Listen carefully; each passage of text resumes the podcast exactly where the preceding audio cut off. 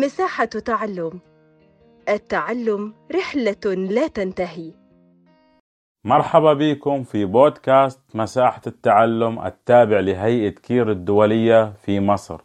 أنا الأستاذ مأمون محمد مدرس مادة اللغة العربية للمرحلة الثانوية منهج مصري.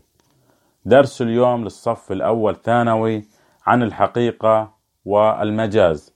لابد في البداية أن نتكلم عن البلاغة. للبلاغة يا أصدقائي عدة تعريفات.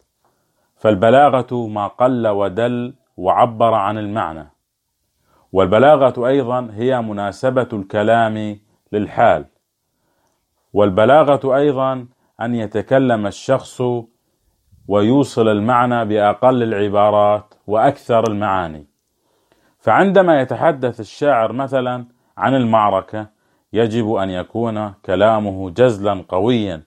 وعندما يتغزل الشاعر بحبيبته يكون كلامه عذبا رقيقا وتهتم البلاغة بنواحي التذوق من الفنون الشعرية والنثرية وتنقسم إلى ثلاثة أقسام وهي علم البديع وعلم المعاني وعلم البيان.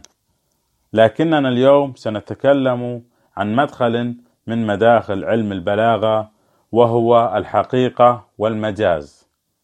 التعبير الحقيقي والتعبير المجازي. ما هو التعبير الحقيقي أصدقائي الطلبة؟ التعبير الحقيقي هو ما وافق الواقع كأن نقول الرجل شجاع. هنا الحقيقة أن الرجل شجاع فلم نستخدم الخيال في هذا المثال. أما التعبير المجازي هو ما وافق الخيال. إذا التعبير المجازي هو الذي يوافق الخيال. فأن نقول الرجل كالأسد. هنا استخدمنا الخيال. فشبهنا الرجل في الأسد. الحقيقة أن الرجل ليس أسد. الرجل رجل والأسد أسد. لكن من جمال التعبير المجازي أن نستخدم الخيال فنصور الرجل بالأسد للدلالة على الشجاعة. لنقرأ لكم أحبتي بعض الأمثلة التي تتكلم عن التعبير الحقيقي. مثال أول كان حاتم عطاؤه كثير.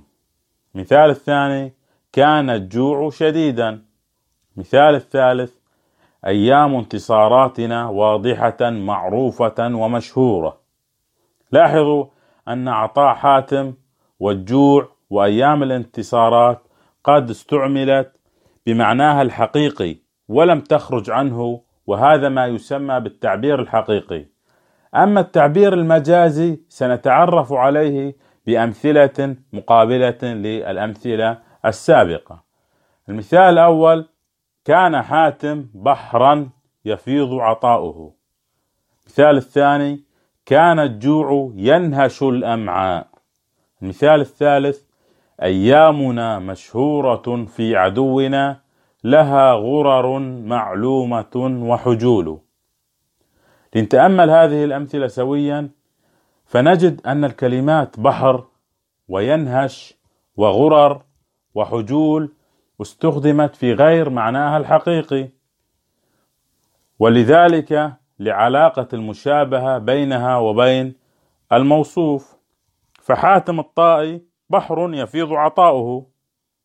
والجوع حيوان مفترس ينهش الأمعاء.